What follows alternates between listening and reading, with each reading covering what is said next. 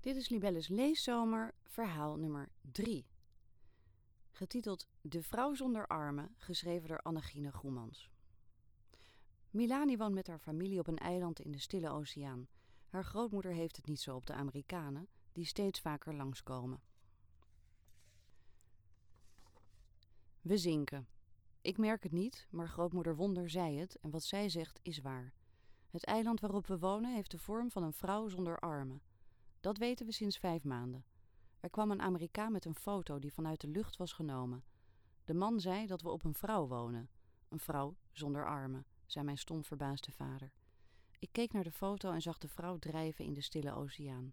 De mangrovenbossen in het noorden waren haar donkere lokken die uitwaaierden in de oceaan. Haar gezicht werd getekend door de rieten hutten en palmbomen en haar borsten waren twee kleine rotsen die uit het zand staken. Mijn vader wees naar het midden van de foto, waarop een driehoekig bosje bomen te zien was met een aanlegsteiger. De zoetwaterbron was onzichtbaar onder het bladerdak. Hier wonen we, zei mijn vader, op de spleet van een vrouw die met haar benen wijd ligt. Mijn vader en de Amerikaan lachten. Daarna volgde mijn vader met zijn wijsvinger een van de benen van spierwit zand die eindigde in een klompvoet van ananasbomen. Haar andere been was langer en dunner, maar van klompvoeten of vreemde ledematen keek niemand hier vreemd op. Mijn jongste broertje heeft zes tenen aan zijn linkervoet. Het extra teentje is een garnaaltje dat er zielig bij hangt, alsof het niet mee mag doen met de rest. Mijn vader zei tegen de Amerikaan dat hij de foto aan grootmoeder Wonder wilde laten zien. We zaten in de schaduw van een schroefpalm aan de binnenzijde van de dij van de vrouw. Het zwartgele watervliegtuigje van de man dobberde tussen haar benen als een hongerige bij op zoek naar nectar. Een paar kinderen hingen aan de drijvers van het vliegtuigje, maar de man vond het geen probleem. We liepen naar grootmoeder, die naast ons woont. Bij de ingang van haar hut schopte mijn vader een kip weg en stak zijn hand omhoog. Milani zal naar binnen gaan. De Amerikaan vroeg waarom hij buiten moest blijven. Er mogen geen vreemden bij de vrouwen, legde mijn vader op fluistertoon uit. Hij kon moeilijk zeggen dat grootmoeder Wonder een hekel heeft aan het land van de man en daarom weigert met hem te spreken. Ze heeft ook nog steeds geen woord gewisseld met Miss Laura, een Amerikaanse die sinds een jaar op ons eiland lesgeeft. Geruisloos glipte ik met de foto de schemerdonkere hut binnen en ging op een rieten mat tegenover grootmoeder zitten. Het eerste wat ik zag was haar oogwit en daarna haar lange grijze haar. Ze zat in kleermakerszit, zo recht als de stam van een palmboom, terwijl haar uitstekende onderkaak op en neer bewoog. Ik legde de foto rechts voor haar neer. Haar linkeroog heeft ze niet meer. Ze raakte het kwijt toen een bomscherf zich in haar ogen boorde. Grootmoeder Wonder vertelt ons elk jaar op onafhankelijkheidsdag hoe ze haar naam verdiende. Het was 1944 en in de wereld woedden oorlogen die zelfs op ons afgelegen eilandje merkbaar waren.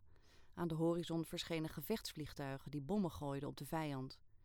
Grootmoeder had geen idee wie de, wie de vijand was.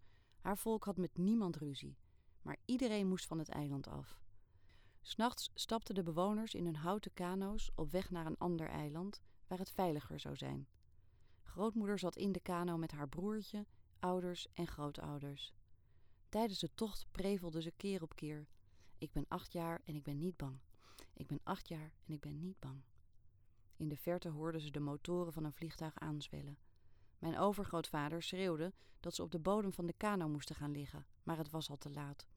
Het vliegtuig vloog lager, terwijl het geratel van machinegeweren dichterbij kwam. Iedereen sprong in paniek in zee. Grootmoeder voelde een scherpe pijn, alsof ze haar gezicht openhaalde aan het koraalrif. Toen ze onder de kano dook, stond haar hoofd in brand. Happend naar adem kwam ze een minuut later boven. Het gevechtsvliegtuig was nauwelijks nog zichtbaar. In zee dreven de lichamen van haar broertje, moeder en grootouders. Ze peddelde met haar vader terug naar hun eiland. Hij haalde de bomscherf uit haar linkeroog en noemde haar sindsdien Wonder. Grootmoeder staarde nog steeds naar de foto. Ze leunde achterover tegen de kist met gedroogde geneeskrachtige planten. Toen draaide ze haar hoofd af en spuugde een roodbruine klodder van vermalen besjes in een blik dat naast haar stond. Haar fluimen miste nooit. De vrouw is in nood, mompelde ze terwijl ze de foto naar me toeschoof. Ze verdrinkt. Daarna sloot grootmoeder haar oog en viel in slaap. Buiten vond ik mijn vader en de Amerikaan op het erf met een fles vuurwater. Mijn moeder zat verderop met mijn broertjes en roerde in de ketel. Ik rook kippenvlees en kokosmelk. Ik bracht de woorden van grootmoeder over aan mijn vader. De vrouw verdrinkt, zei ik. De Amerikaan zei dat ik de foto mocht houden. Ik besloot naar Kealen te gaan om het nieuws te vertellen. Ontelbare keren had ik over ons land gelopen, maar het eiland was opeens een vreemde voor me. Ik ging vanaf de spleet omhoog richting het noorden en passeerde naar een kwartiertje de navel, waar grootmoeder Wonder een tuin met geneeskrachtige planten heeft. Met een boog liep ik er omheen. Niemand mag haar tuin betreden. Even later wandelde ik tussen de kleine borsten door en kwam ik aan in het gezicht. Daar stond het merendeel van de hutten, het schooltje en de winkel. De winkel was een aangespoelde zeecontainer met planken, die op een paar blikjes mais, bonen, spam en zeepoeder leeg waren. Het was maanden geleden dat het schip met goederen was aangemeerd. Mij maakte dat niet uit, het eiland gaf ons alles wat we nodig hadden, maar voor Miss Laura was het een ramp. Ik had haar horen zeggen dat ze een moord zou plegen voor tampons, deodorant en tandpasta. Ik vond Kajale op het laatste stukje strand, daar waar het mangrovenbos begint. Hij stond met een emmer in de haargrens, ter hoogte van het oor, en ik kon niet wachten om hem de foto te laten zien. Meestal was het Kajale die met sappige nieuwtjes kwam. Dat Etau dronken in het vuur was gevallen, of dat Jeji was gebeten door een blauwe kwal. Maar nu had ik iets groots te vertellen. Ik had zelfs bewijs. Kajale liep door het ondiepe water, en zodra hij me in de smiezen had, trok hij zijn afgezakte short omhoog en duwde zijn borst naar voren. Kajale is geboren met een staartje. Boven zijn bilspleet steekt iets uit wat nog het meest op een vinger lijkt. Kajale schepte altijd op over zijn magische pink. Volgens hem kon hij er op zee mee navigeren. Zelfs als het windstil was, wees zijn pinkje hem de weg. Maar nu verstopte hij hem onder zijn short. Onze vriendschap is veranderd. Sinds ik borsten heb, kijkt hij anders naar me, waardoor ik me schaam. Eigenlijk zitten we ons de hele tijd te schamen. Ik wapperde met de foto. Dit is beter dan Miss Laura die met Ruyen zoende. Keale gooide een heremietkreefje in de emmer en kwam naar me toe geschokt. Nou, wat zie je? vroeg ik opgewonden. Hij keek naar de foto en haalde verveeld zijn schouders op. Een eiland. Ons eiland, verbeterde ik hem. En welke vorm heeft ons eiland? Ik hield de foto op borsthoogte en ik vroeg me af of hij wel naar de foto keek. Weet ik veel, hoe kom je eraan? Van de Amerikaan. Hm, ik vind de plaatjes in het tijdschrift van mijn vader een stuk spannender. Kajale liep weer terug naar zee om kreefjes te vangen. Opeens vond ik hem irritanter dan al mijn vier broertjes bij elkaar. Ik had ooit een zusje, maar zij kwam levenloos ter wereld. Ik heb haar nooit gezien. Mijn moeder begroef haar in stilte achter de hut. Van een tante hoorde ik dat haar hoofd groter was dan de dikste vruchten van de pandanusboom. Mijn tante hield haar handen indrukwekkend ver uit elkaar. Ons eiland is een vrouw, schreeuwde ik. En ze verdrinkt. Binnen een halve dag wist iedereen ervan. Miss Laura legde tijdens de les uit dat wij niet zinken, maar dat de zee stijgt. Ze vertelde over de uitstoot van gassen. Ik weet dat er auto's en fabrieken bestaan, maar wij hebben dat soort dingen helemaal niet nodig. Haar verhaal vond ik saai en het lichaam van Miss Laura leidde zoals altijd af. Ze transpireert onophoudelijk. In het begin van de les zitten er halve maandjes onder haar oksels die langzaam uitgroeien tot supermanen. Nog voordat de zon haar hoogste punt heeft bereikt, is haar shirt doorweekt. De natte huid van Miss Laura heeft de kleur van kauri-schelpen. Tijdens onafhankelijkheidsdag zag ik haar s'avonds naar huis lopen. Het was donker, maar Miss Laura straalde hetzelfde blauw-witte licht uit als zeevonk. Het meest vreemde aan Miss Laura is dat ze gimpen draagt. Gimpen met sokken. Toen een week later het schip aanmonsterde, had niemand het meer over de stijgende zee. Het hele eiland liep uit naar de spleet om te helpen met goederen uitladen. De vrouwen met kleintjes zaten in het zand en keken toe. De kisten werden eerst op de aanlegstijger opgestapeld en daarna op handkarren gezet. Het waren meer kisten dan ooit, waardoor we een hele dag bezig waren met sjouwen, duwen en trekken. De enige die niet meehielp of interesse toonde was grootmoeder Wonder. Ze zat in de schaduw voor haar hut en telkens als we in optocht langsliepen, keek ze met haar rechteroog dwars door ons heen. We wisten allemaal wat grootmoeder van de goederen vond.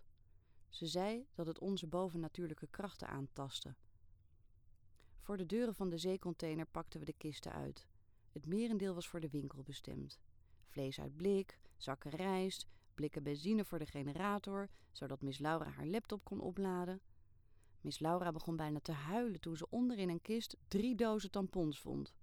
Ze zegt tegen ons meisjes dat tampons veel hygiënischer zijn dan de stof die wij gebruiken, maar ik vind het een gênant onderwerp. Over sommige dingen praat je niet.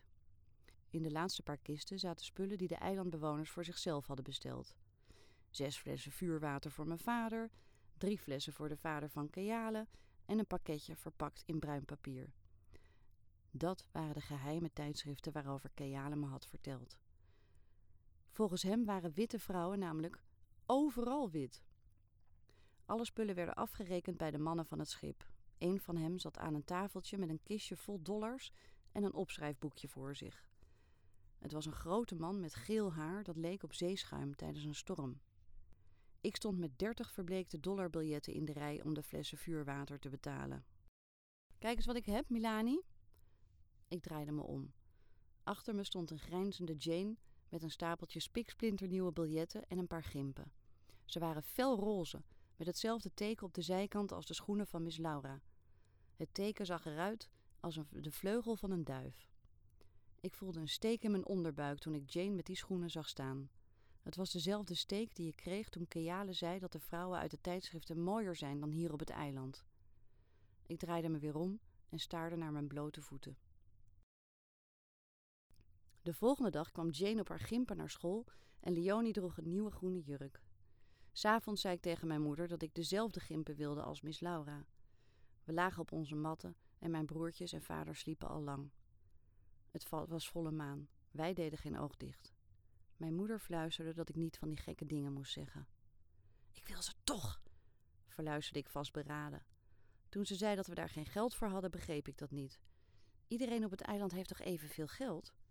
Een paar dagen later zaten we rond het vuur. De mannen trommelden en zongen, de vrouwen dansten. Ze zagen er prachtig uit met geel-witte frangipani-bloemen in hun haren en schelpenkettingen om hun nek. Maar ik had alleen oog voor Jane.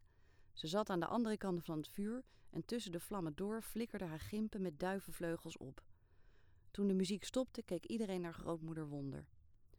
Voordat ze begon te spreken, spuugde ze in het zand en reikte ze met haar magere armen naar de maan en de sterren. Grootmoeder is de enige die met onze voorouders en de goden kan communiceren. Ze is ook de enige die ons kan genezen. Met witte ronde vruchten hield ze de buik van vrouwen die een kind hebben gebaard. En met de bladeren van de nenstruiken smeert ze hun baby's in, zodat ze een leven lang fris ruiken. Mijn vader geeft ze drankjes van kokosmelk en het sap van de utilomarboom tegen zijn hoofdpijnen. Ze heeft in haar tuin zelfs een struik met paarse bessen, die je voorgoed met de voorvaderen verenigt. Ze maakt haar eigen recepten die in dromen tot haar komen. Het enige waar ze nog geen medicijn voor heeft gevonden zijn kinderen met een staart, elf tenen of een kolossaal hoofd. Grootmoeder Wonder liet haar armen zakken. Zelfs mijn broertjes waren doodstil. Vanuit mijn ooghoeken gluurde ik naar Keale, die verderop in de kring zat. Toen hij terugkeek, voelde ik mijn wangen heet worden. Ze komen, zei mijn grootmoeder op onheilspellende toon. Ze komen, maar we laten ons niet meer verjagen. Zoals altijd kwam haar voorspelling uit. Een week later verscheen er een nieuw schip tussen de benen van de vrouw. Dit keer niet met eten en drinken, maar met computers en apparaten die we nooit eerder hadden gezien. Ook de mannen waren anders. Het waren Amerikanen, maar sommigen droegen overhemden en lange broeken. Kayale en ik keken vanaf het strand toe hoe de mannen buizen in ons strand duwden, waar draden uitstaken die konden worden aangesloten op een laptop. Ze plaatsten reusachtige houten linealen in de zee die de getijden moesten meten. Toen de mannen een schroef in de aarde draaiden die groter was dan mijn oudste broertje, hoorde ik de vrouw zachtjes kermen.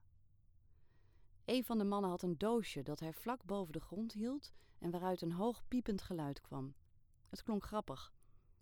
De Amerikanen struinden over ons hele eiland en ze bleven zo lang dat we na verloop van tijd niet eens meer gingen kijken.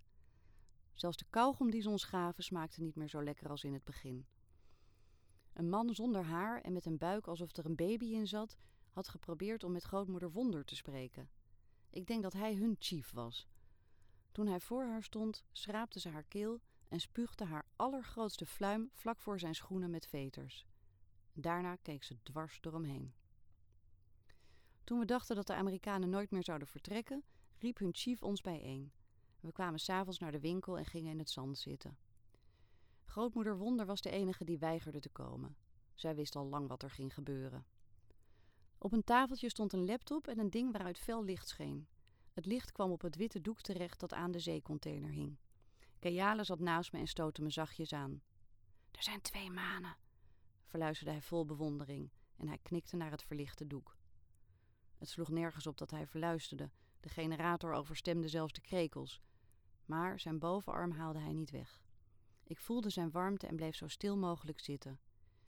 Ik moest denken aan het verhaal van grootmoeder Wonder, dat we elke onafhankelijkheidsdag horen. Eerst vertelt ze over de bomscherf in haar oog en daarna gaat ze verder over de dag dat er twee zonnen aan de hemel stonden. Ze was in de vroege ochtend vuur aan het maken toen ze een lichtflits zag. Daarna verscheen een vuurbal die groter en groter werd en de wereld bloedrood kleurde. Het eiland begon te beven en vanuit het niets stak een sterke wind op. De vader van grootmoeder Wonder was in paniek teruggepeddeld met zijn kano vol vis. Even later vielen er dikke grijze vlokken op hen neer. Ze hadden gehoord van sneeuw en ze juichten. Voor het eerst sneeuwde het op het eiland. Grootmoeder Wonder was 18 jaar, maar ze voelde zich niet te oud om samen met de kinderen in de sneeuw te spelen. Nog voordat de zon onderging, vielen hun haren uit en stond hun huid in brand. Twee dagen later werden ze door een schip weggehaald en naar een ander eiland gebracht. Vijf jaar later keerde grootmoeder Wonder terug met slechts een handvol eilandbewoners. De meeste waren gestorven. Op het witte doek verscheen de foto die de Amerikaan me had gegeven. Ik voelde opeens diepe medelijden met ons eiland, met de vrouw zonder armen. De man met het kale hoofd en de zwangere buik ging naast haar staan en probeerde boven het geluid van de generator uit te komen. Hij moest schreeuwen, waardoor alles nog verschrikkelijker klonk wat er uit zijn mond kwam. Onze zoetwaterbronnen zullen binnen afzienbare tijd opdrogen. De zee stijgt, de straling is hoger dan ze al die tijd hadden vermoed. Ik vertel geen fucking sprookjes, mensen, schreeuwde de chief. Dit is de realiteit. Toen liet hij andere foto's zien. Van ontelbare naakte kippen zonder koppen die in lange rijen door de lucht zwiepen. Van vrouwen met blauwe mutsen die in hun blauwe handen naakte kippen vasthouden. Van huizen in de vorm van dozen. Van auto's en winkels die duizenden keren groter zijn dan die van ons. Van schoolkinderen in groene uniformen met witte sokken in hun zwarte schoenen. Het duizelde me. Ik keek om me heen en zag verstarde gezichten. De wangen van mijn moeder waren nat. Kajale had zich verstopt. Hij zat met zijn hoofd tussen zijn opgetrokken benen. De chief schreeuwde verder over geld verdienen in kippenfabrieken en ziekenhuizen met goede zorg. Het licht was zo fel dat ik mijn ogen sloot en mijn vingers in mijn oren stopte. De Amerikanen met hun kauwgom en apparaten zijn vertrokken. Het eiland is weer van ons. Ze hebben Miss Laura meegenomen. Nou ja, beter gezegd, Miss Laura wilde geen seconde meer blijven toen ze van de straling hoorde. Ze gilde zo hysterisch dat ze door een boze geest bezeten leek. Sinds Miss Laura weg is, zwijgt de generator en loopt Jane weer op blote voeten. De chief zei dat we binnenkort worden geëvacueerd. Hij moest uitleggen wat het woord betekende. Grootmoeder Wonder weet wanneer ze zullen komen. Voor die tijd geeft ze ons de paarse besjes en zullen we ons voorgoed verenigen met onze voorvaderen. De vrouw zonder armen gaat met ons mee. We zullen haar nooit in de steek laten. Sinds we weten van onze aanstaande reis is het leven hier vreedzamer dan ooit. Mijn vader drinkt geen vuurwater meer en de hoofdpijnen zijn verdwenen. Het enige dat ik jammer vind, is dat we niet meemaken hoe de Amerikanen zullen reageren. Dat ze terugkeren en ontdekken dat het eiland opeens van de aardbodem is verdwenen. Ik denk dat die chief heel, heel hard zal schreeuwen. Annegine Goemans is schrijfster en woont met haar man en drie kinderen in Spaarndam. Van haar laatste roman, Honolulu King, werden ruim 60.000 exemplaren verkocht. Momenteel werkt ze aan haar nieuwe roman, waarvoor ze afreisde naar de Marshall-eilanden. Amerika koos deze geïsoleerde eilandengroep in de Stille Oceaan als testgebied voor 67 bovengrondse kernproeven met als klapstuk Castle Bravo, de krachtigste waterstofbom ooit.